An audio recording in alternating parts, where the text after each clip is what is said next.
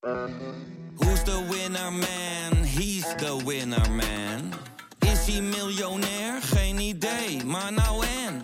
Je hebt geen jackpot nodig to be a winner man. Oh oké, dat is wel lekker man. Deze podcast is 100% expertisevrij en alleen geschikt voor amusementsdoeleinden. De inhoud mag niet worden beschouwd als financieel advies. Dit is Jong Beleggen, de podcast. Ik ben Milou. En ik ben Pim. In deze aflevering hebben we het over de energiemarkt en de energietransitie met onafhankelijk energieanalist Jillis van den Beukel. Ja, een echte expert aan het woord. Ja, en hij heeft dus ook letterlijk zelf naar gas geboord voor Shell. En naar olie natuurlijk, want olie is beter dan gas, geloof ik. Uh, je verdient er uh, meestal meer aan. Ja, precies. En we gaan het even hebben over passie beleggen. En ik ben nog even op tv geweest. Ja, je wordt beroemder met de dag, Pim. Nou goed, laten we maar snel beginnen, want het wordt weer een bomvolle aflevering.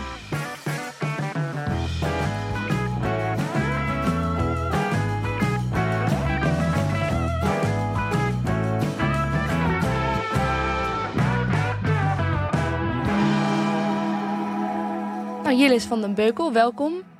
Dokter Jillis van den Beukel, je bent gepromoveerd. die titel uh, die noemt nooit iemand. Uh, vind althans in Nederland uh, niet. Nee, oh, nee. In, in het buitenland doen ze dat meer. Ja, in Duitsland zijn ze soms van het herdokter.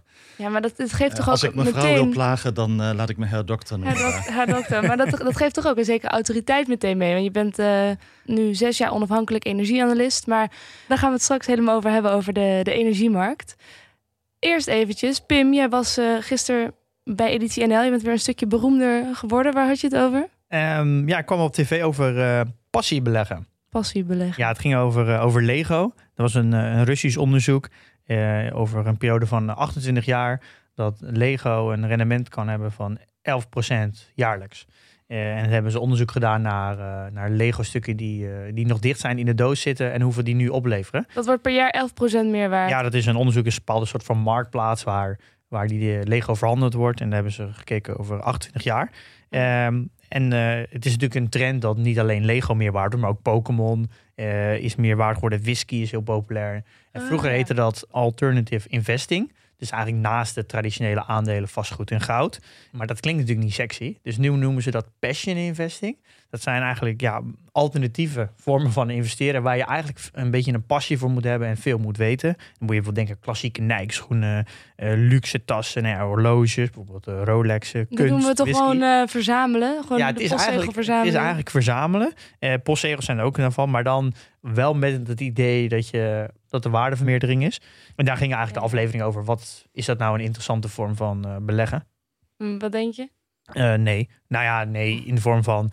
Uh, je moet er echt heel veel verstand van hebben. Ik zou Ja. niet weten welke lege doos ik moet kopen. Jullie, heb jij zoiets? Uh, ik vind uh, oude auto's wel mooi. Heb je er ook een? Nee, ja, uh, ondertussen wel, maar dat was niet de bedoeling eigenlijk. Uh, dat is meer vanzelf gegaan. Ah, oké. Maar uh, bij Ja. oude auto's denk je meer van uh, uit je jeugd of zo, jaren 50 en uh, jaren Ja. 60.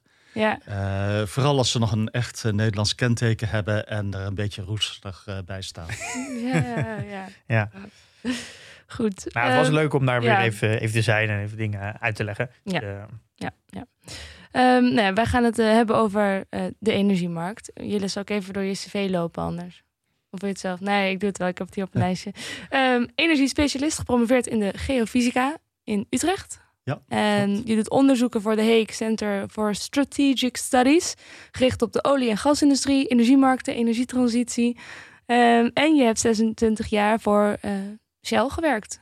Ja. Voorheen de Koninklijke. Voorheen de koninklijke, uh, ja, ik, ik weet niet of ze officieel nog koninklijk zijn of wanneer het stopt uh, precies. Maar uh, Ja. 10 december werd in ieder geval de beslissing genomen dat ze echt uh, naar, uh, naar Engeland gaan. Met, ik meen, 99,8 procent van de aandeelhouders die stemden voor die move naar Engeland. Dat Ja. er nog 0,2 procent waren die wilden dat ze in Nederland uh, bleven. ja. Ja, deed het pijn?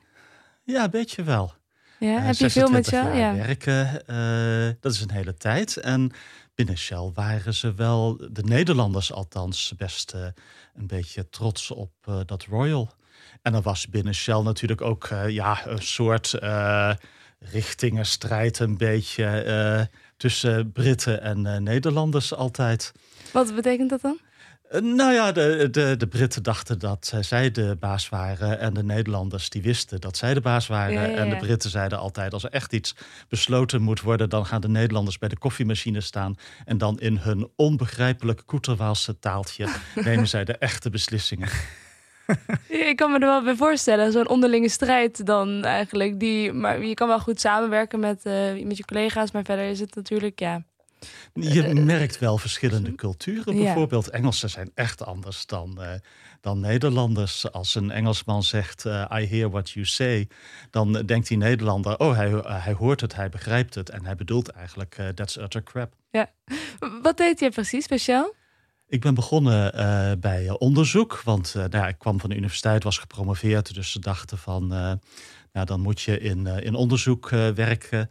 Ik was als geofysicus, eh, eh, dus een beetje wiskundig eh, gepromoveerd. En ze zetten me bij structurele ge- geologie. Dat vond dat ik heel leuk. Dat is echt het veld in en kijken naar stenen en zo. En ja, het was in ieder geval de kant van aardwetenschappen waar ik helemaal niet in zat, maar wel heel leuk vond. Alleen, ik, ik, ik wist er niet veel van. Ik kon het niet goed, Mhm. ook eigenlijk. Ik vind het nog steeds leuk en ik stap het nog steeds niet zo goed, eerlijk gezegd. Ehm, maar ehm, nou ja, onderzoek binnen een olie- en gasbedrijf. Ik vond het veel leuker om het veld in te gaan. Daarvoor was ik eigenlijk bij eh, Shell gegaan. Maar wat is het veld ingaan? Is dat de zee op, eh, die boorplatformen op en dan... eh, Ja, dat is uiteindelijk toch toewerken naar boeren, naar olie en gas. Dus een, een gebied analyseren eh, qua geologie. Wat is er eerder geboord? En dan een voorstel schrijven van, nou oké, eh, wij stellen voor met het team, wij gaan eh, hier boren. Wij denken dat er zoveel olie of gas zit, zoveel kans, zoveel risico. Als het een klein veldje is, is het zoveel. Als het een groot veld is, is het zoveel.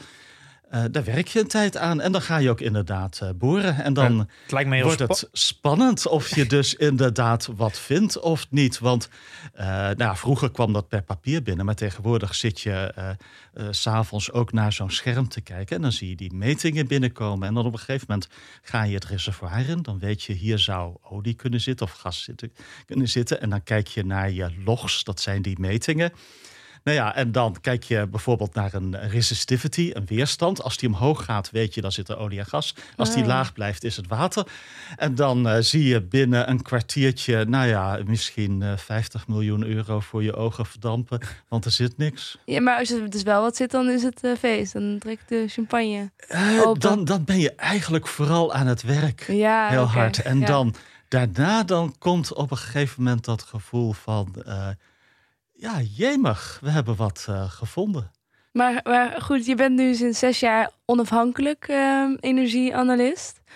Lijkt me wel een slimme carrière move met het oog op... Nou ja, ik denk niet dat jij op feestjes eh, trots kan vertellen dat je naar olie boort. Dat is toch wel echt... dat mag niet meer tegenwoordig.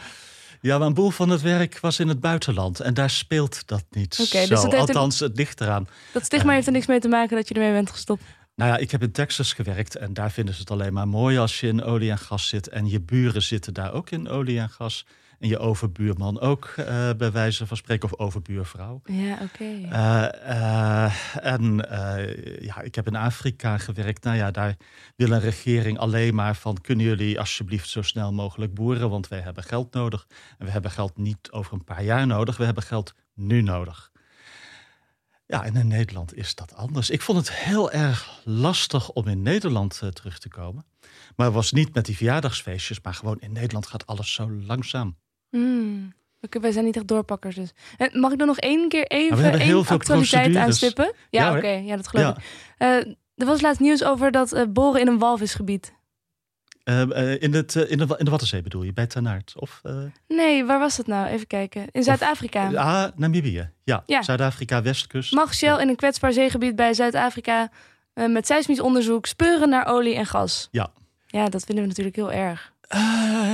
Ja, dan kom je erop uit hoe verstorend is seismiek. Dat is dat je eh, vroeger, ooit lang geleden deden ze dingen met dynamiet en nu doen ze dat met airguns. Dus eh, eh, lucht die je samendrukt en dan ineens kan die uitzetten en dan krijg je een, een knal inderdaad die de Mhm. grond ingaat. Dus je ziet wel dat tolerantie daarvoor in de samenleving heel erg is afgenomen. Ja. En het probleem voor nu in de westerse wereld is, uh, ja, wij tolereren steeds minder olie- en gasproductie, vooral nieuwe olie- en gasproductie. Maar wij verbruiken het nog wel. Uh, het is eigenlijk hypocriet om te zeggen, ja, we willen niet dat je boort als je wel een auto rijdt. Een beetje wel. En als samenleving moet je oppassen. Want als je zelf helemaal niks meer produceert, maar je blijft het wel verbruiken, ja, dan word je heel erg afhankelijk van het buitenland. En dat is wat je nu met gasprijzen bijvoorbeeld ziet en met gas. En we hebben Groningen gas toch een beetje vervangen door Russisch gas in, uh, in Europa. Ja, op een gegeven moment maakt een land als Rusland daar toch een beetje gebruik van. Het levert bij wijze van spreken 10% minder gas. En daardoor gaan de prijzen heel erg omhoog. Er zijn veel meer redenen hoor waarom die prijzen omhoog gaan. Maar, dat is wel een van de redenen. Ja. Is dat, leg je nu niet eigenlijk de, de energietransitie, uh, de, de, de, dilemma, eigenlijk in de problemen en de uitdaging van de energietransitie bloot? Is dat als je een transitie doet, ga je naar het nieuwe, maar je moet het, het oude wel en, en blijven ondersteunen. Je moet het oude in ieder geval niet te snel afbreken, want anders krijg je ongelukken op het gebied van betaalbaarheid en, uh, en betrouwbaarheid. En dat is wel een beetje wat er gebeurt. Maar dat neemt niet weg. Je moet ook vaart maken met het opbouwen van dat nieuwe systeem, want die klimaatverandering die is er gewoon. En dat is uh, ernstig en dat wordt steeds ernstiger. Vooral als je als het verder doorgaat en je gaat over de anderhalve graad heen, dat je aan tipping points komt. Want als je nu, het is denk ik heel duidelijk, de hele wereld weet dat we er wat aan moeten doen. Is, eh, vind je ook dat, de, dat alle grote energiemajors daar voldoende doen? Wat is hun taak? Ja. Um, wat bedoel je met energiemajors? Ja, de, Shells en de. Exxons ja. en de BP's van deze wereld. Um, nou, je kunt in ieder geval constateren dat ze wel heel veel minder investeren in olie en gas. Een bedrijf als Shell uh, investeert minder dan de helft van wat ze zeg zes jaar geleden deden. Maar die groei in new energies, met zonder uitstoot van broeikasgassen, dat, uh, daar investeren ze nog maar mondjesmaat in. En dat is hun dilemma, want hoe goed zijn ze daarin? Dat je uh, iets heel ingewikkelds kunt doen als olie produceren in water van twee of drie kilometer diep. Wat echt verrekte lastig is technisch. Wil nog niet zeggen dat je goed bent in uh, elektriciteit verkopen. Hè. We gaan meer naar elektriciteit toe. Of, of zonnecellen uh, maken of zo. En, en dat is nou ja, waar iedereen nu een beetje met interesse naar kijkt in de energiewereld. Kunnen die bedrijven als Shell die omslag maken? Ja. Wat denk je? Ik betwijfel het eerlijk gezegd. Ik hoop het voor ze. Ik denk ook echt dat ze het serieus proberen. Maar of dat uh, lukt, nou, dat is een, een, een kwartje wat beide kanten op kan, uh, kan vallen, denk ik. En dat is iets waar, denk ik, veel mensen wel aan, uh, aan, ja. aan twijfelen. Dus het is wel, ze zien wel de meerwaarde ervan in om die, om die transitie ook daarin mee te gaan en ook die slag te maken. Alleen de vraag is gewoon alleen of ze echt ja, de expertise snel genoeg kunnen ontwikkelen om mee te komen in die transitie. Ja, en. en uh, ja, misschien worden er wel heel andere dingen van een bedrijf uh, gevraagd. Nou, als je nu offshore wind wil doen, ja, hoe goedkoop kun je die turbines uh, neerzetten, uh, bijvoorbeeld? Ja. ja, en, en, en Shell kan wel heel ingewikkelde dingen doen, diepwaterolie bijvoorbeeld. Maar om, ik weet niet of ze nou zoveel beter dan een, een Vattenfall of een Ørsted windmolens ja. kunnen neerzetten. Ja. Eigenlijk denk ik van, nou, dat, dat kunnen ze niet beter. Maar, maar wat denk jij dan, Pim? Want jij belegt in Shell. Nou ja, ik, ik heb ook het idee dat verliezen ze ook niet heel erg hun uh, competitieve voordeel. Al die oliemajors van de, de, de returns op olie zijn heel hoog. Maar dat komt omdat ze het, het 50 jaar geconsolideerd is naar een paar bedrijven die zich kennis hebben opgedaan en daardoor heel goed zijn. Maar nu gaan we naar, naar, naar meer duurzame energie toe, waar eigenlijk de, waar je niet waar je heel moeilijk kan uh, differentiëren. Je kan heel moeilijk, heel moeilijk ergens heel goed in zijn versus de concurrentie. Bijvoorbeeld windmolenpark, daar zitten, zullen de returns veel, veel lager zijn. En dat zal alleen maar lager worden, denk ik. En dat, dat gaat uiteindelijk wel een keer knellen natuurlijk. Als het gaat om bestaansrecht. Want je moet wel geld blijven verdienen. En ik denk dat dat ook de achtergrond is. Dat de aandelen van de majors, Shell, BP, Total, ExxonMobil het de laatste tien jaar behoorlijk slecht gedaan hebben. Met Parijs 2015 is de energietransitie echt in een stroomverstelling gekomen. We zijn nu echt serieus op weg dit gaan we gewoon doen. Geen discussie meer. Misschien achterhoedegevechten. Maar dit gaat gewoon gebeuren. En dat betekent dat die bedrijven vroeger of later ja, een ander eh, businessmodel uh, moeten zien te vinden. Hè? Tenzij je het businessmodel energie in het algemeen noemt. Maar ja, dat is waar zij goed in zijn, is inderdaad. Uh, waarom is een Shell succesvol? Nou ja, ze waren er vroeg bij in bepaalde gebieden met hele grote olie- en gasvelden. En ze waren gewoon technisch heel goed in sommige specifieke dingen. Als uh, diepwaterolie uh, bijvoorbeeld. Ja, ja en die, die unieke skills die raak je natuurlijk een beetje kwijt. En ja, voor mij is eigenlijk de, de energietransitie. Ik denk dat iedereen wel weet dat die transitie gedaan wordt. Ik denk dat bedrijven ook helemaal niet de moeilijkste zijn. Alleen volgens mij zit het grootste probleem in dat de, de consumptie. Uh, uiteindelijk gaan bedrijven leveren wat mensen willen. Het klinkt misschien heel erg naïef, maar uiteindelijk zie ik nog steeds niet de olieconsumptie dalen. Heb jij een idee wanneer daar überhaupt de piek in is? Uh, nee, uh, ik, bedoel, ik, dat weten we gewoon niet. Um, we, kunnen alleen zien van, ja, die, die echte groei is er wel uit, voor olie tenminste. Veel mensen verwachten dat het komende decennium min of meer een plateau zal zijn voor de olieconsumptie. Dat is niet goed genoeg om anderhalve graad uh, te halen, maar zou wel in lijn kunnen zijn met zeg 2 graden bijvoorbeeld. En dat is eigenlijk ja, de spagaat waar die bedrijven in zitten. Uh, en dat, dat merk je ook bij de politiek. Hè? Uh, het ene moment uh, vraagt de EU of een president Biden aan die. nou, de, komt hij in Glasgow op de COP26. We moeten echt anderhalve graad gaan doen. En dat betekent, nou ja, toch niet of nog maar heel weinig investeren in nieuwe olie- en gasvelden. Uh, en een paar dagen later belt ja. president Biden naar Saudi-Arabië en naar de OPEC of naar hun eigen olieproducenten in Texas en zegt hij van ja, uh, die prijzen gaan zo snel omhoog van de olie. Kun je alsjeblieft wat meer gaan produceren? Want ja, prijzen omhoog, dat, dat, ja, dat ligt heel erg yeah. slecht bij de kiezers. En dat zien we nou in Nederland, althans niet bij olie, maar wel een beetje bij gas. sinds een paar maanden gaan de gasprijzen echt uh, door het uh, plafond heen. En wat doet de overheid dan? Ja, die gaat toch de energiebelasting dan verlagen. En eigenlijk is dat ja, niet goed dat dat gebeurt. Je wilt het verbruik terugdringen, maar bijvoorbeeld door een CO2-belasting. Ja. dus maak het uitstoten van broeikasgassen maar duurder. En dat geld dat hou je binnen de EU of binnen Nederland zelf. Ja. Dat zie je liever dan uh, ja, dat die ruwe olie of dat gas uit Rusland zoveel ja. duurder wordt. Dus wat je eigenlijk zegt, de, de balans is een beetje zoek. We willen zo snel mogelijk, we willen hollen, we willen ervoor gaan. Maar je ziet ook tegelijkertijd, dat gaat niet, want we zijn er nog zo van afhankelijk. Er moet een balans zijn. Ja, en als je zeg maar in de westerse wereld ja, olie- en gasproductie gewoon eruit werkt... En dat is wel een beetje wat er in Nederland gebeurt. Groningen is een verhaal apart. Maar ook kleine gasproducenten ja, worden toch wel een beetje weggepest eigenlijk. Van dat, dat willen we gewoon niet meer. Maar dan moet je niet raar opkijken als je op een gegeven moment problemen krijgt met betrouwbaarheid van levering en met uh, betaalbaarheid. Ja. Als je vraagt niet even snel naar beneden. Dat is toch eigenlijk het, en dat is het probleem. Ja. Die vraag die gaat niet naar beneden op dit moment. Maar, maar eigenlijk is het, als je even buiten dat je olie en uh, als je dat nou even als slecht ziet, maar gewoon als neutraal, dat is gewoon een energiebron. En je kijkt naar de, de consumptie. De hele welvaart is is gebaseerd op de, op de prijs van energie. Want alle dingen die we nu gebruik van maken, die zijn gecreëerd met energie. Uh, en dat heeft een, moet een bepaalde ja. prijs hebben, anders gaat onze welvaart naar beneden. Als je het vanuit dat perspectief kijkt, dus... moet die energie dus geproduceerd worden. Dan is alleen de vraag, ja, waar komt dan die energie vandaan? En vanuit een, een beetje een kapitalistisch idee gaat, gaat altijd degene die, die het goedkoopst kan produceren, dat krijgt altijd de voorrang. Uh, dus, en als, als het er uit een disbalans komt, dan gaan de prijzen heel hard omhoog. En dan uh, zullen dus bijvoorbeeld, nee, zie je natuurlijk met kolencentrales nu, die gaan als een gek aan nu, omdat uh, de olie en gas omhoog gaat. Uh, in Engeland wel bijvoorbeeld, daar hebben ze heel veel kolen eruit gewerkt. Engeland was vroeger lang geleden een kolenland. En nu staan er nog een paar kolencentrales, maar ja, die, die lopen financieel wel, wel binnen op dit moment.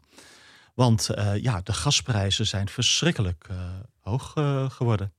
Maar er zijn ook succesverhalen hoor, met de ja, energietransitie. Nee, ja, hoe, staan we, ja. hoe staan we ervoor in die transitie? Want dat is natuurlijk ook uh, ja, nou, dus, uh, ja, vind ik wel leuk. Even de twee succesverhalen van de energietransitie tot nu te noemen. Ja. Uh, ten eerste voor elektriciteit Uh, de prijs van zonnepanelen, van windturbines, dus van stroom uit zon en wind, is gewoon enorm omlaag gegaan. Uh, en simpelweg, maak veel van die dingen en je wordt steeds efficiënter in het, uh, in het bouwen daarvan. En daar heeft Duitsland met de energiewende uh, echt een, uh, een voortrekkersrol gespeeld. En een hele mooie voortrekkersrol. Okay. Dus dat is één punt van vooruitgang. we zien dat we meer dingen met elektriciteit kunnen doen dan vroeger. Elektrische auto's komen eraan. En die elektriciteit uit zero-carbon bronnen als zon en wind. nou, die is heel veel goedkoper worden, geworden. Dus dat is echt de vooruitgang van het, van het laatste decennium. Ja, en het andere is toch dat we nu eindelijk vooruitgang maken met het in rekening brengen van de kosten van fossiel, met name van de uitstoot van broeikasgassen. Dus, uh, emissierechten zijn dat? Ja, ja, van maak het uitstoten van uh, CO2 maar uh, een stuk duurder. En dan uh, heeft dat echt wel invloed op de vraag. En nou, dat kun je op verschillende manieren doen. Je kunt gewoon zeggen van nou, het kost zoveel per molecuul CO2. Maar in Europa hebben we een ETS-systeem, een Emission Trading System. En dat betekent dat je steeds minder emissierechten in de markt hebt voor industrie, voor elektriciteitscentrales. Alles wat een grote uitstoot is in Europa, dat moet meedoen aan dat systeem. En dat systeem, dat, dat werkt. En, en 2050 wil je ze netto uh, uiteindelijk op nul hebben. Gaat het ook snel genoeg dan? In, met dat als einddoel in zicht? Uh, dat ETS-systeem, dat, daar gaan die emissierechten echt naar beneden. Er was lang de kritiek dat het niet snel genoeg ging. Uh, en dat komt in het begin zijn er ook een boel gratis rechten weggegeven. Maar nu uh, ja, gaat dat echt uh, zoden aan de dijk zetten. Hmm. En je ziet nu ook van, uh, nou, de CO2-prijs is zo hoog geworden, is echt behoorlijk omhoog gegaan de laatste twee jaar, dat dat echt invloed heeft op wat bedrijven in Europa doen. bijvoorbeeld CCS, dat is het onder de grond stoppen van CO2, het afvangen van CO2 in je productieproces en het vervolgens twee of drie kilometer diep in een zandlaag stoppen of zo. Ja, vroeger uh, was dat technisch mogelijk, maar kon dat uh, commercieel van geen kanten uit. En ineens zien we nu het laatste jaar bij de huidige eh, ETS-prijzen voor uitstoot van broeikasgassen. Hé, hey, dat wordt gewoon commercieel interessant. Ja, ja. He, van dus CCS-projecten, bijvoorbeeld Portos in, bij Rotterdam. Nou ja, een paar jaar geleden hadden die moeite om klanten te vinden. En, en nu moeten ze nee verkopen, want uh, wat we gaan doen, ja, we kunnen er niet meer uh, klanten bij hebben. Dat is precies natuurlijk het effect van dit systeem. Dus je gaat het dat is eh, echt duurder van, maken, ja. waardoor, al, waardoor ja. er alternatieven komen die goedkoper zijn.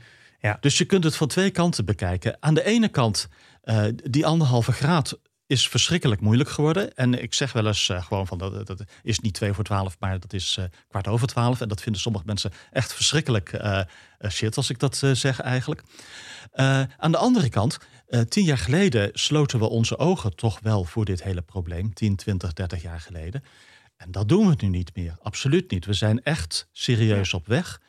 En we boeken ook vooruitgang met die lagere kosten voor energie zonder uitstoot van broeikasgassen.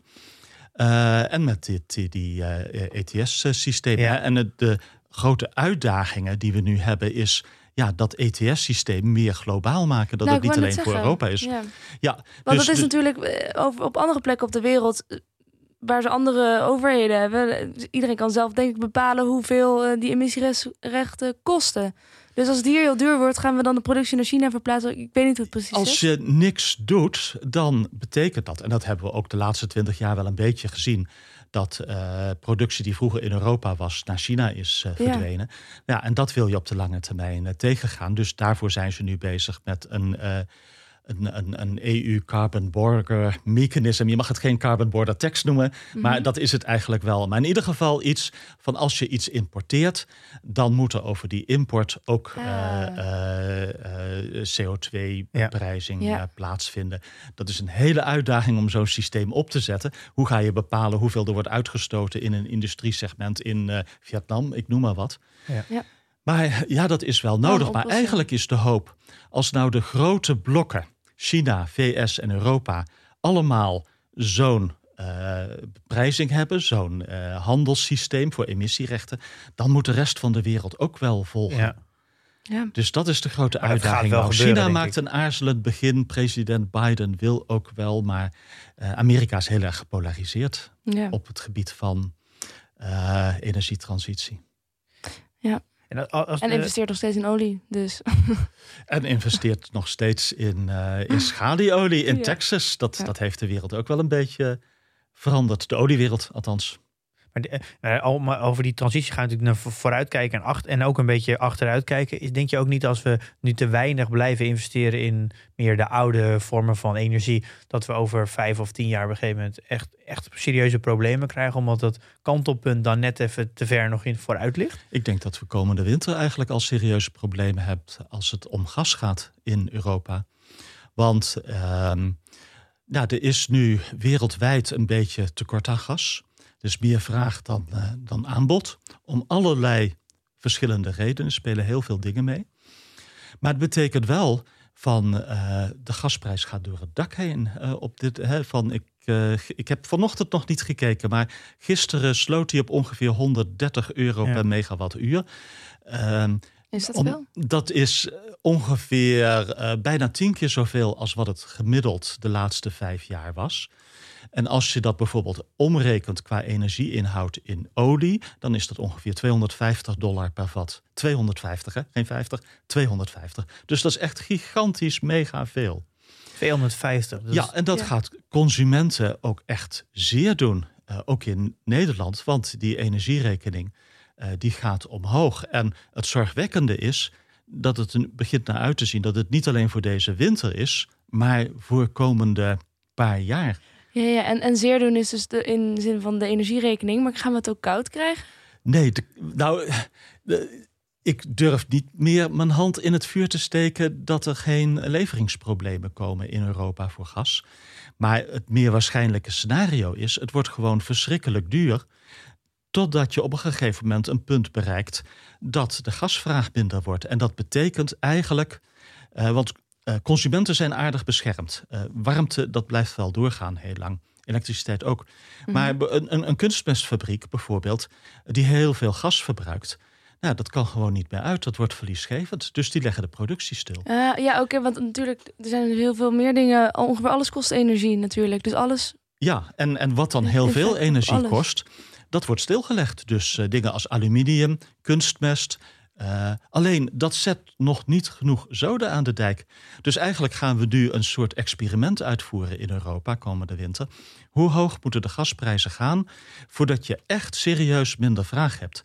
Hè, en of dat bij het huidige niveau is, of twee keer zoveel, of bij wijze van spreken vijf keer zoveel. Ja. Maar zeggen- dat is het voorportaal voor echt niet meer kunnen leveren. En de kans is groot dat het bij dat voorportaal blijft. Want echt niet meer kunnen leveren is echt eh, crisis. Ja, want die zegt eigenlijk dat er gewoon industrie op een gegeven moment niet meer geld kunnen verdienen aan de productie, waardoor ze on- Ja. verlies maken. Dus dan stoppen ze natuurlijk de productie. En zo gaan steeds meer industrieën dat doen, totdat de prijs natuurlijk weer zakt. En dan ga, En dan moeten we kijken van, goh, wat heeft dat allemaal aangericht? Hè? ja, Van, eh, als een, eh, een, een, een kassenbouwer in het Westland eh, nu geen komkommers meer gaat telen deze winter of paprika's, dan, dan worden die duurder in de supermarkt eh, komende lente. Maar als die kunstmestfabriek stilstaat, nou ja, dan, dan zie je dat ook terug in voedselprijzen op een gegeven moment. Ja, want die hebben we nodig voor om de gewassen te verbouwen. Van alles wat we eten. een heel En we hebben zo'n complex economisch systeem en we hebben zulke complexe ketens, dat er soms ineens dingen gebeuren die je helemaal niet eh, verwacht had. Ja. Ja. Een, eh, een kunstmestfabrikant eh, die levert ook hele pure CO2 aan voedselfabrikanten die dat gebruiken om dat voedsel eh, vers te houden, bijvoorbeeld. Ja. Nooit geweten. En Totdat hoe- die kunstmestfabriek dichtging in Engeland. Maar dat is eigenlijk, er zit natuurlijk, er is één iemand heel hard aan het lachen nou, en dat is natuurlijk Poetin. Ja, want het is toch wel ehm, Gazprom, maar dat is in wezen Poetin. Eh Gazprom doet wat Poetin Gazprom vertelt om te doen. Eh, ja, die nu financieel helemaal eh, binnenlopen. Want zij, zij, zij zit op grote gasvelden. Wat zij gewoon wel nog uit de grond Ja, ongeveer 40% van het gas eh, in Europa, 35, 40%, dat, eh, dat komt uit eh, Rusland. Meest per pijpleiding en een klein beetje per, eh, per tanker. Ja. En dat eh, wordt steeds meer verkocht via spotprijzen, dus minder via langdurige contracten. met bijvoorbeeld, vroeger was die prijs van gas, werd die wel eens aan olie gelinkt. Maar nu zijn dat echt de spotprijzen vooral die, uh, die bepalen uh, ja, hoeveel ze verdienen. Dus vorig jaar hebben ze echt heel weinig verdiend. Was het heel goed voor Europese consumenten. En eigenlijk de afgelopen vijf jaar. Maar we zien nu dat al dat voordeel van die afgelopen vijf jaar van goedkope gasprijzen. we dat in één winter nu kwijtraken. Zo. Hmm. En heb je natuurlijk de Nord Stream 2 natuurlijk, waar druk op gezet wordt. Uh, uh, om uh, buiten Oekraïne om te gaan, natuurlijk ook nog. Ja, en dan lees je ineens de verhalen van... hij trekt een legermacht samen aan de oostgrens van Oekraïne. Kortom, heel hij, ziet, hij ziet een kans om allerlei dingen die hij al heel lang wou... deze winter te gaan uh, regelen. Deze stukjes vallen allemaal in elkaar voor hem nu. Zo, ja. je zou bijna denken dat het een heel zwart scenario is wat je daar schetst. Nou, ik zou Poetin in ieder geval zien als iemand die je niet kunt vertrouwen. En je moet oppassen met van hem afhankelijk te zijn. Op het gebied van energie bijvoorbeeld. Want dat is eigenlijk het enige wat hij heeft. Ik bedoel, Russische industrie, economie. Ja, die doet niet zoveel. Wie wilde nou uh, werken in zo'n corrupt land? Maar dat Wie wel wilde een investeren in zo'n corrupt land? Maar olie en gas, dat marcheert prima voor Precies, Rusland. Maar hij is dus ook voor veel dingen misschien wel afhankelijk van ons. Aangezien ze verder dus niet zoveel hebben. We hebben altijd de afgelopen vijf jaar gezegd... hij is afhankelijk van ons, want wij zijn de grote klant van gas. En toen de gasmarkten ruim waren, lag de macht vooral bij Europa. Maar nu zijn de gasmarkten krap geworden, wereldwijd. En ligt de macht meer bij uh, Poetin tijdelijk. Ja, dus Hopelijk. wij moeten ook vaart maken met dat nieuwe energiesysteem. Nog een maar mooi op lange termijn. goede politieke reden natuurlijk. Als we nou weer terug gaan naar de, naar de, naar de goede kant, de transitie. Hoe ziet onze energiemix er straks uit? Uh, nou ja, tot nu toe was het 90% fossiel. En wij gaan naar een. Uh, nou ja, eigenlijk zien we nu. Uh, elektriciteit wordt vooral zon en wind. En de vraag is vooral: wat wordt de aanvulling daarop? Wordt dat opslag? Wordt dat flexibele vraag? Wordt dat waterstof? Wordt dat kernenergie? Maar het basiselement is toch echt zon en wind uh, aan, het, aan het worden. Ja, en dan is de, eigenlijk de andere grote vraag en uitdaging: wat gaan we doen met wat we met elektriciteit niet kunnen doen? Want we gaan meer met elektriciteit doen. Dat helpt alvast. Hè? Dus auto's, nou ja, die zullen echt, denk ik, snel tempo elektrische auto's uh, worden. Uh, van, ik denk niet dat er in 2030 nog iets anders nieuw verkocht wordt dan uh, elektrische auto's ja. in, in Nederland. maar ja, je hebt dingen die zijn moeilijker. Bijvoorbeeld vliegen. op batterijen is echt een veel grotere uitdaging dan die auto's. Ook. Scheepvaart. Dus ja, voor sommige dingen uh, waterstof. Maar ja, de vraag is eigenlijk, wordt waterstof, nou ja, bij wijze van spreken 10% van ons nieuwe energiesysteem of wordt het 30% van ons nieuwe energiesysteem? Ja. Dat is eigenlijk de range die je in modelstudies nu een beetje ziet, uh, ziet, ziet verschijnen. Maar uiteindelijk is waterstof toch een energiedrager. Dus om waterstof te maken heb je nog steeds uh, ja. wind- of zonne-energie nodig. Ja, of misschien, en dat zal een land als Rusland pushen, gas. Of kernenergie, inderdaad. Ja, oké. Okay. Maar ja, als je gas gebruikt, dan heb je nog steeds... Eh, om waterstof te maken, is het nog steeds niet CO2-neutraal. Nee, maar als je het met CCS, de CO2 onder de grond stopt... Oh, zo, ja. dan ga je richting CO2-neutraal. Nog steeds niet helemaal. Uh, als je, er zijn technieken te bedenken. Uh, ze, ze noemen die, geven die waterstof allemaal kleuren. Dus kun je praten over blauwe of paarse waterstof, uh, geel of groen. Ja. Maar je ziet nu wel toch het momentum een beetje richting groene waterstof gaan. Haal het uit zon en wind. Alleen op dit moment hebben we die stroom uit zon en wind nog echt nodig voor onze eigen elektriciteitsvoorziening. Ja. Als je nu groene waterstof maakt, ja, dan kan dat al gauw ten koste gaan van groene stroom voor een ja, consument of een fabriek. Dat is, okay. dat is, niet, dat is natuurlijk niet efficiënt, want je hebt een verlies. is ja. de echte uitdaging. We hebben uh, die zonnepanelen goedkoop gekregen. We hebben die windturbines goedkoop gekregen. We moeten nu ook die electrolyzers bij groene waterstof goedkoop kunnen krijgen. Ja. En, en, hoe doe je dat? Ga er gewoon verschrikkelijk veel van bouwen. Waar zou jij uh, je geld in steken als belegger? Of misschien waar zit je in? Heb je aandelen Shell bijvoorbeeld nog? Of?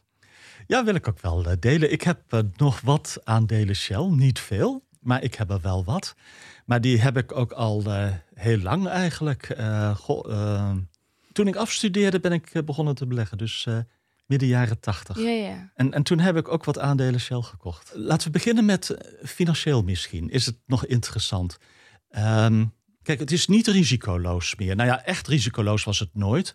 Maar het was behoorlijk laag risico in de tijd dat olie en gas niet ter discussie stonden en ze elk jaar een best hoog dividend uitbetaalden. Mhm. Ja, en die tijd is voorbij. Dus ik zou oppassen met er al te veel in te beleggen. Het is een meer risicovol aandeel. Eh, Shell. oh, ja, de korte termijn aantrekkelijkheid is van niemand wil er meer in beleggen, maar de vraag naar olie en gas die gaat wel omhoog. Wij willen niet meer productie van olie en gas in de westerse wereld, maar die vraag die, die blijft.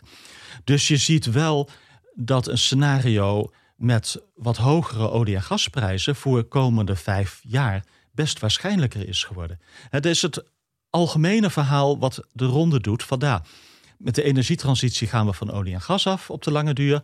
Dus dan blijven landen als Rusland en Saudi-Arabië met dat spul zitten. En dan zal de prijs ook wel omlaag gaan. Ja. En ik geloof best in dat verhaal op een termijn van 30 jaar. Maar op een termijn van drie of vijf jaar denk ik dat een heel andere dynamiek op de olie- en gasmarkten veel waarschijnlijker is. Wij willen het niet meer produceren. Rusland en Saudi-Arabië en Shell in sommige gebieden willen dat nog best eh, doen. Maar die prijzen gaan eerder omhoog dan omlaag. We krijgen hele instabiele markten met soms tekorten. Nou ja, en daar kunnen olie- en gasbedrijven heel goed aan verdienen. Maar het is wel iets met een beperkte levensduur. Misschien nog voor vijf of tien Ja. jaar of zo. Ja. Dus ik denk wel dat olie en gas best eh, interessant kan zijn. Maar met, met dat als, eh, als, eh, als achtergrond dan. Ondertussen hebben ze een heel portfolio wat ze beginnen te verzamelen van dingen die ze kopen in eh duurzame, in zero carbon. Ik las gisteren weer iets over zon, zonnepanelen of retail in, in, in de Verenigde Staten. Nou, dat soort start-ups worden soms best hoog gewaardeerd op de beurzen. Maar als ze onder de paraplu van een Shell of BP vallen, worden ze ineens niet meer zo hoog gewaardeerd. Dus ehm, ja, eh, ze zijn echt serieus wel bezig met, eh, met eh, duurzame energie. Ook met de vraag is hoe. eh, ja, hoe ehm, aantrekkelijk, hoe goed ze daarin zullen Ja, zijn. en dat- dat het andere wat nog, Shell toch ja. een beetje boven het hoofd hangt, en eigenlijk alle grote olie- en gasbedrijven, kunnen fossiel en duurzaam onder één dak samen floreren? Of krijg je toch echt de, eh, de, de verleiding bij beleggers van eh, jongens, splitsen op, de delen zijn meer waard dan het, dan het geheel? Dat is een discussie die we denk ik steeds meer zullen Ja. zien. Niet alleen voor Shell, maar ook voor de andere eh, grote concurrenten. van Nou, de grote en activistische aandeelhouder heeft dat natuurlijk al geopperd bij eh, Shell. Ja. Eh, dus het is wel iets wat je steeds vaker ziet natuurlijk. Eh, want als je nu de grote oliebedrijven pakt, eh, de Shell, Total, BP, ExxonMobil en Chevron, wat zou jouw voorkeur hebben? Of wie, wie, wie is Nou, goed eh, gepositioneerd? Eh, ik zal in ieder geval eh, zal ik even de verschillen een beetje uitleggen. Eh, want ja, de een zoekt, de ene belegger zoekt dit bij een bedrijf, de andere belegger zoekt dat bij een bedrijf. Ja. Dus eh, de voorlopers in de energietransitie zijn toch echt de Europese bedrijven. Equinor uit Noorwegen, eh, BP, Total en Shell. Hè, en Chevron en ExxonMobil zie je in een veel langzamer tempo gaan. Eh, dan eh, kun je kijken van nou, eh, BP is behoorlijk actief in het zelf opzetten van offshore windelektriciteit. Terwijl Shell zich bijvoorbeeld vooral richt, meer richt op de retail, de verkoop ervan. En eigenlijk wat minder in de productie van die offshore elektriciteit met wind wil zitten. Totaal is, doet al die dingen ook, maar heeft er focus op, op zon, solar. Heeft ook een, een, een grote deelneming in India op dat eh, gebied. En Chevron en ExxonMobil, ja, die gaan eigenlijk, die zien een langere toekomst voor fossiel, olie en gas. Ja. Ja, en verder, Shell heeft wel redelijk lage break-even kosten voor zijn olie en gas. Dat, eh, dat helpt. Eh, ExxonMobil is hoger bijvoorbeeld. Ik heb zelf wel eens, want ik heb ook wel columns geschreven op dat gebied, eh, aangegeven van nou, ik, ik ben eigenlijk zelf het meest enthousiast over Total. Omdat die en bezig zijn met de energietransitie serieus. eh, maar en ook nog hele goede resultaten scoren aan hun conventionele olie- en gasveld Ja. eh, kant. En ook, nou ja, nog bezig zijn om hun reserves niet al te snel te laten teruglopen. Want wat bij Shell een beetje een probleem is, uh, hun reserves in olie en gas zijn op een behoorlijk laag niveau gekomen. Hoeveel jaar praten we dan? Bewezen reserves voor olie zes jaar. Oh, dat is echt heel kort. En dat doet in de publiciteit niets. Daar is niemand bezorgd over. Echt heel weinig. Moeten we daar bezorgd over zijn dan? Ja, toch wel een beetje. Waarom? Omdat uh, zes jaar behoorlijk kort is. Eh, je ziet eerder een toekomst van 10 tot 20 jaar voor olie en gas dan die zes jaar. Nou is die zes jaar bewezen reserves. Dus de werkelijke reserves zullen waarschijnlijk wat hoger uitpakken. Het is ook voor olie. En voor gas zijn ze een stuk hoger, eerder rond de 10 voor Shell. En eigenlijk, wij denken dat Shell een oliebedrijf is. Maar het is gewoon uh, meer een gasbedrijf geworden. En hun kroonjuweel is ook niet zozeer olie, maar is gas. En dan vooral LNG, vloeibaar gas. Uh, vloeibaar gas, nou ja, daarmee kun je gasvelden geld aan verdienen in allerlei uithoeken van de wereld. vroeger vond je een groot gasveld in Afrika. Nee toch, we, kunnen er niets mee. Uh, van, dan was het echt een teleurstelling dat je gas vond. Uh, heb ik wel eens meegemaakt. Waarom kan je daar dan niks mee? Ja, er is geen markt voor. Okay. Het verschil tussen olie en gas is... olie kun je makkelijk transporteren. Je pompt het in een tanker en je vaart het de wereld rond. Ja. Maar gas kun je moeilijk transporteren. Maar vloeibaar gas? Eh, dus dan moet je het vloeibaar maken. Ja, en dat kun je eigenlijk alleen als je heel veel gas vindt en als je het een beetje goedkoop vindt. Want dat vloeibaar maken van het gas is eigenlijk duurder dan het produceren ervan. Maar vertel eens over Afrika dan, wat er toen gebeurde. Nou, dan moest je van tevoren aangeven aan het hoofdkantoor van, nou ja, uh, hoe groot is het risico dat je gas vindt? Ja. Want je wou, uh, dat was in een, een, land ergens in Centraal-Afrika, vlak boven ja. Congo. Dus er was ook echt geen markt voor gas. Je kon er niets nee, mee. Ja, dus, dus Ooit vond Shell daar een prachtig groot olieveld. Het grootste olieveld uh, onder de Sahara in Afrika. En dat was gewoon een, een hele grote structuur. En, en toen ging onze concurrent daar, Elf, die ging eenzelfde structuur 30 kilometer naar het noorden boeren. En die dachten van, wij gaan net zo'n groot olieveld vinden. En die structuur zat dus ook helemaal vol met gas. Ah, dikke vette pech dus. Ja, en wij maar zeggen tegen ze van ja, ja, kijk, dat was onze superieure technologie ja. van Shell. Hè? Maar het is Terwijl gewoon we geluk. gewoon geluk hadden Ja. en zij hadden pech.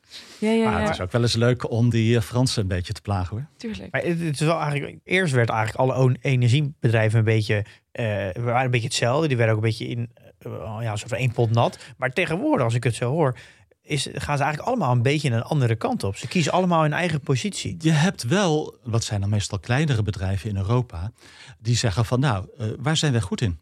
In olie en gas vinden of produceren. Wij blijven dat gewoon doen. En persoonlijk, maar dat is persoonlijke keuze, vind ik dat een te verdedigen keuze. Zolang je het maar op een nette manier doet. Dus zonder methaanlekkages. Dus eh, je hebt bijvoorbeeld in Rusland heb je veel methaanlekkages. Methaan is ook een broeikasgas. Nou ja, dan krijg je veel extra uitstoot van broeikasgassen. Niet doordat je gas verbrandt hier in Europa, maar doordat, je het, doordat het lekt in een pijp van Siberië naar, naar Europa toe. Nou, als je het netjes doet. En ook wel accepteert van dat het een, een tijdige business is, een sunset industrie.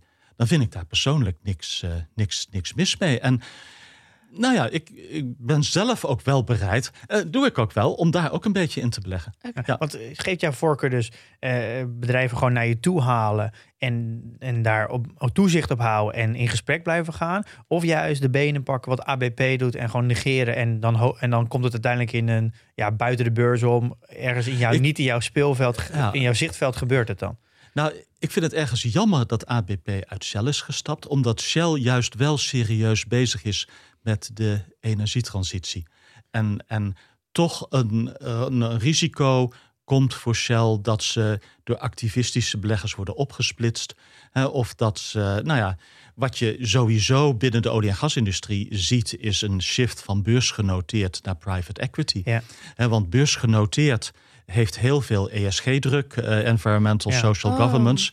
En private equity voelt die druk veel minder. Dus je ziet wat er nu nog aan olie- en gasinvesteringen op bijvoorbeeld in de Noordzee plaatsvindt, is steeds meer private equity Ja. en steeds minder Die opereren in de schaduw natuurlijk. Die opereren in de schaduw. En dat zie je ook in, eh, in Texas eh, bijvoorbeeld. Van eh, veel schalieolie eh, wordt nu eh, private equity gefinancierd.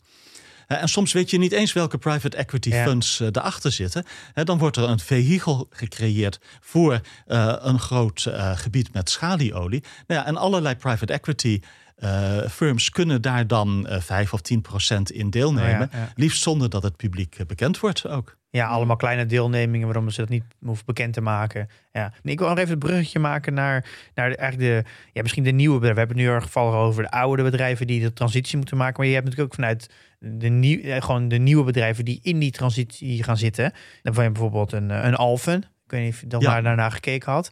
Ja, ja, Eh, ja. eh, en Sif Holdings, natuurlijk die eh, de installatie doen van windmolens. Maar ook eh, Vestas en eh, Orsted. Hoe kijk je daarnaar? Nou, ik kijk er een beetje naar. Kijk, mijn expertise zit gewoon meer in de, in de grondstoffenkant. Dus eh, ik heb een, een zeker enthousiasme als het dan over grondstoffen gaat. Om, ja, niet, om een beetje weg te gaan van olie en gas. En te kijken naar, nou ja, wat is er in mijnbouw allemaal nodig voor de energietransitie. Als wij meer gaan elektrificeren, dan hebben we meer koper nodig. Eh, dus dingen als koper of voor accu's, eh, kobalt, lithium. Dus ik zou ook eens denken aan mijnbouwers. Ja. Hoe een onbekende en ook impopulaire tak dat ook is. Kijk, olie en gas en mijnbouw, het is beide impopulair. Maar mijnbouw hebben we, heeft een langere toekomst met de energietransitie. Ja. Voor dingen als koper, eh, kobalt, lithium enzovoort. Dan, eh, dan Ja. olie en gas dat heeft. Dus eh, ik heb zelf ook een beetje mijnbouw. Ja, en welke bedrijf moeten we dan denken? dan moet je denken aan, dan kom je eerder uit op, op Engelse bedrijven of Australisch, Glencore, Rio Tinto, eh, dat, dat soort bedrijven. Vaak Ja. in eh, Londen genoteerd. Londen is toch wel de beurs voor de, voor de, voor de Waarbij ik bij moet zetten dat eh, sommige van die bedrijven een enorme rit naar boven hebben gemaakt hoor. De laatste twee of drie jaar. Ja. Vanwege de energietransitie ook. Maar ja, dat hebben bedrijven als Ørsted ook gedaan. En voor iets als ja, echt de windturbines en zowel het maken van windturbines als het opzetten van windparken. Ja, dat wordt volgens mij een, een, een keiharde vechtindustrie Ja. met, met lage marges. Dus persoonlijk denk ik, Ørsted heeft een prachtige rit naar boven gemaakt. Maar ik zie dat niet verder Nee. doorgaan komende, De, de komende markt die jaren. betaalt wel heel veel voor elke euro daar.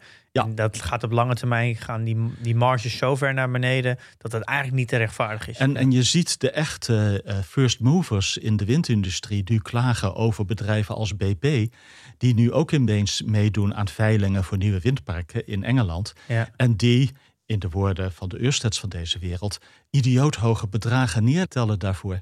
ja, het eigenlijk wordt het bijna meer een commodity. Dat het gewoon wordt gewoon bijna gereguleerd. En het gaat naar gewoon ge- een marges van een paar procent. Bijna een soort van telecomachtig. eh Ja, want zo moeilijk is het Ja. uiteindelijk niet. Ja, je wilt het veilig doen en, en eh, zo, nou ja, met zo efficiënt mogelijke procedures allemaal. Maar ja, eh, eigenlijk een offshore olieveld ontwikkelen is een stuk moeilijker. Ja, dat is compleet. Daar heb je ook echt een uniek voordeel. Want, ah, maar dan zeg je dus eigenlijk dat de winnaars van de, als vanuit een beleggersperspectief dan van de energietransitie, gaan de mijnbouwers zijn. Nou, aan de grondstoffenkant eh, wel. En verder, maar daar zit mijn expertise gewoon minder in. Van ja, wat, wat, wat zie je eh, aan, aan voorsprong mogelijk op andere gebieden in, in, in elektronica of zo? We zullen ons elektriciteitsnet heel erg moeten, moeten uitbreiden. Nou, daar, daar zullen bedrijven in actief zijn die toch echt een groeifase ingaan. Want ja, er komt nu zoveel eh, elektriciteit uit zon en wind aan. Dat je ook dat hele net in Nederland enorm moet gaan uitbreiden. Dus Ja. bedrijven die daarin actief zijn, die zien in ieder geval een groeifase. Ja, dat is, dat is bijvoorbeeld Alphen, de bekende. Zoals eh, bijvoorbeeld een, eh, een Ja.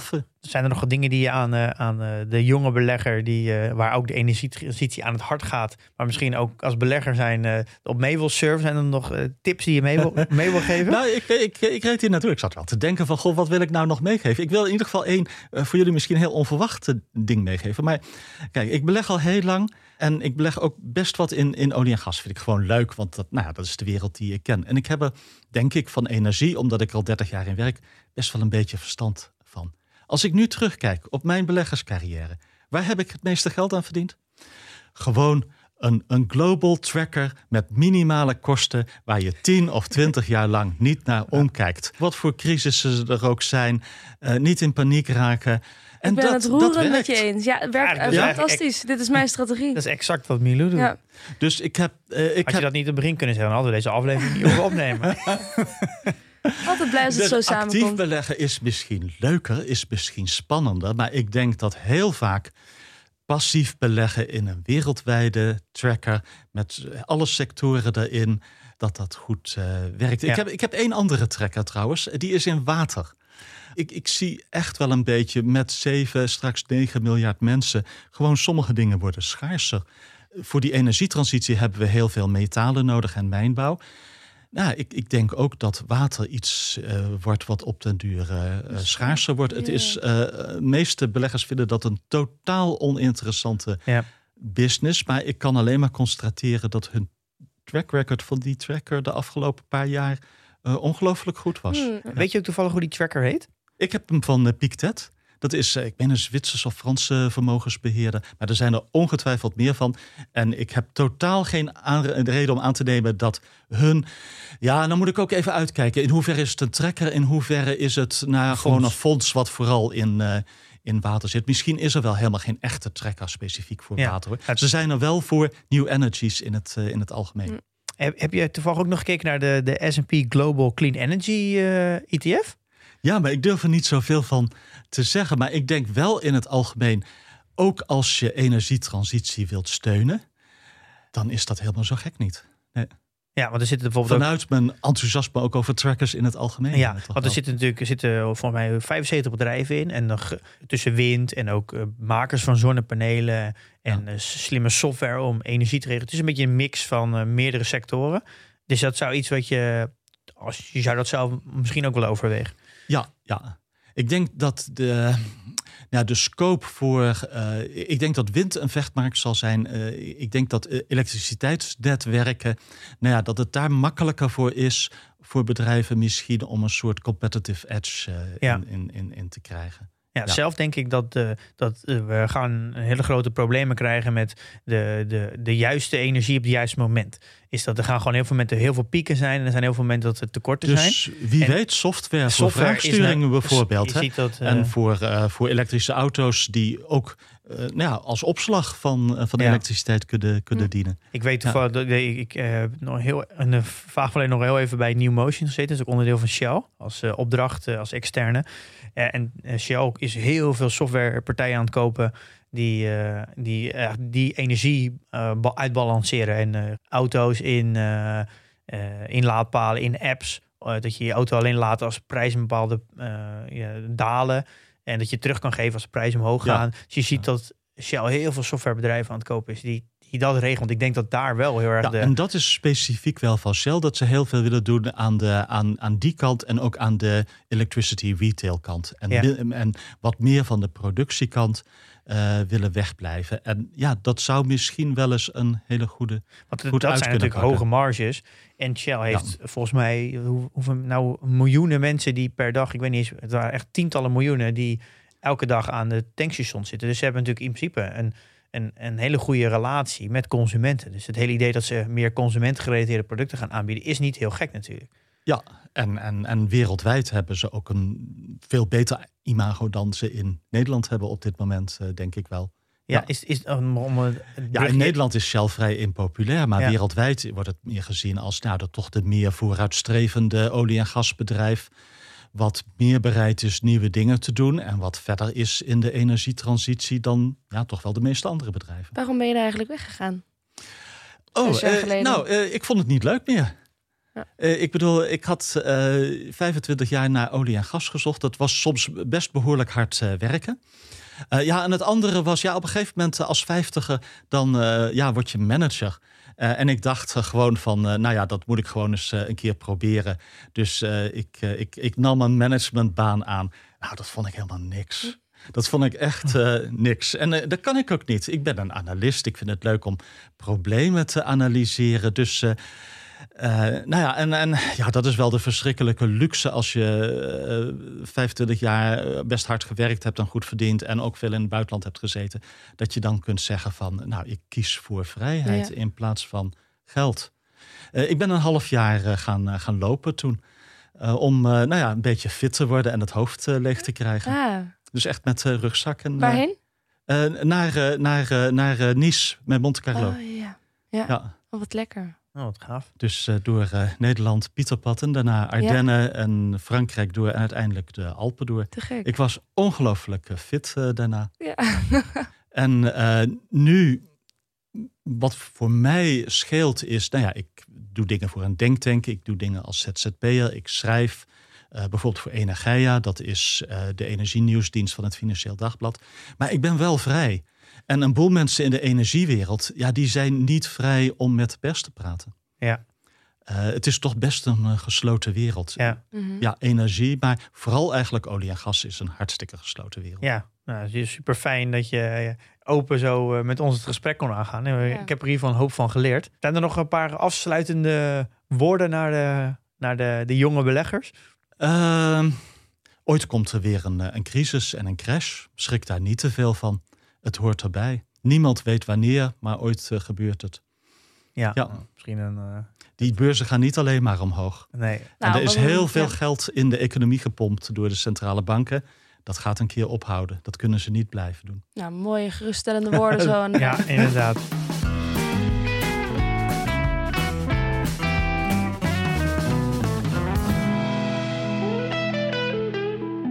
Normaal zouden we soms een portfolio dividend tracker update doen. Hebben we geen tijd voor. Ook niet voor het nieuws. Wel willen we natuurlijk alle nieuwe vrienden van de show Iedereen weer bedanken, zeker. heel erg bedanken.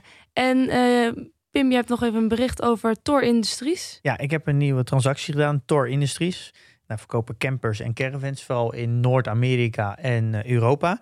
Maar ook een beetje door de tijd eh, ga, ik, eh, ga ik dat nu niet helemaal toelichten. In ieder geval een transactie gedaan voor 4,5% eh van mijn portfolio. Volgende week eh, gaan we een, een portfolio-update doen en een terugblik op eh, vorig jaar. Of op, sorry, op dit jaar. Mhm. En dan ga ik wat meer uitlichten waarom ik Tor heb gekocht, wat mijn fair value is, hoe ik het berekend heb. Want het is een cyclusbedrijf. Dus over een periode van 10 jaar hebben ze hele hoge pieken en hele hoge dalen. Dus dat was voor mij een aardige uitdaging. Hoe waardeer je nou een cyclisch bedrijf? Dus ik heb daar, eh, ik heb daar wel een hoop van geleerd. En daar wil ik straks volgende week wat meer over vertellen. Oké, nou, ik ben heel benieuwd. Dan, als, je thuis, ja. als je alles al wilt nalezen, dan heb ik het er wel alvast op de website staan. Oké. Eh, portfolio waarde? Ja, mijn portfoliowaarde is 266.200. Ja, net als iedereen. eh, ik heb wel wat bijgelegd. En, maar dat ziet, ik ben eigenlijk ook gelijk weer gezakt. Dus het is, eh, Oké. ik ben goed naar beneden gegaan eigenlijk. Oké, ja, ik ben een beetje gelijk gebleven volgens mij. 8173. Hij verspringt net. 8173. Ja, dat heb je aardig. Ja, ik merk dat tech is, eh, die doet het niet goed. Hm. Nu met, met de inflatie in Amerika, volgens mij 7% nu. Dus ja, dat is eh, vooral technologie. Je krijgt echt flinke tik op dit moment.